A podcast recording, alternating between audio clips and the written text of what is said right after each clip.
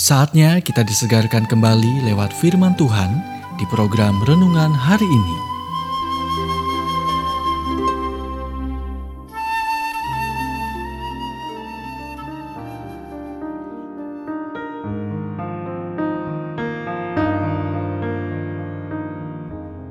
Renungan hari ini berjudul Jangan Berhenti Bertumbuh. Nats firman Tuhan diambil dari Amsal 1 ayat 5. Baiklah orang bijak mendengar dan menambah ilmu.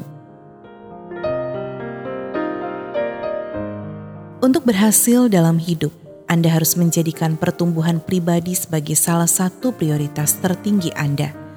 Faktanya adalah Anda tidak pernah diam. Anda maju atau mundur, meregang atau mandek. Mari luangkan waktu sejenak dan pikirkan apa yang terjadi ketika Anda membiarkan diri Anda berhenti tumbuh dan mandek.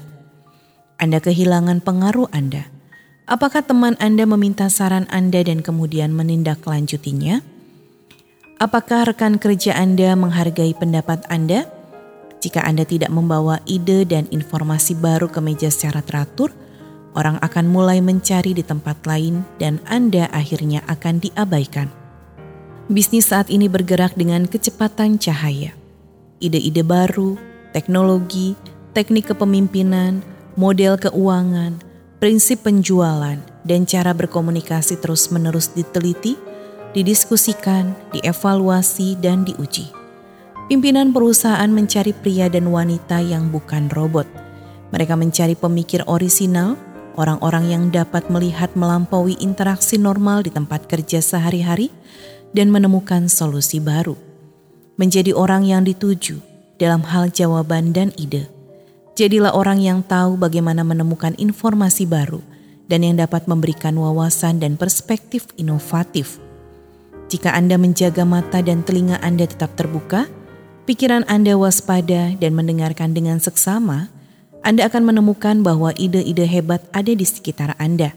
Anda akan menemukan 100 orang yang bisa mengelola ide bagus, untuk setiap satu orang yang bisa memunculkan ide bagus itu. Jika Anda tidak mempengaruhi keputusan, arahan, atau orang, Anda perlu menerapkan rencana untuk pertumbuhan pribadi segera. Salomo yang sering disebut sebagai orang paling bijaksana yang pernah hidup, selain Kristus berkata, Baiklah orang bijak mendengar dan menambah ilmu, dan baiklah orang yang berpengertian memperoleh bahan pertimbangan. Anda baru saja mendengarkan renungan hari ini. Kiranya renungan ini terus mengarahkan kita mendekat kepada Sang Juru Selamat, serta menjadikan kita bertumbuh dan berakar kuat di dalam Kristus. Bila Anda diberkati, berikan kesaksian Anda melalui WhatsApp di 0817 222 959. Atau, jika Anda ingin memiliki buku renungan hari ini, anda bisa dapatkan di Radio Suara Gerasi FM, Jalan Setiabudi 31 Cirebon. Dengar dan lakukan firman Tuhan, maka hidupmu akan selalu berkemenangan. Tuhan memberkati.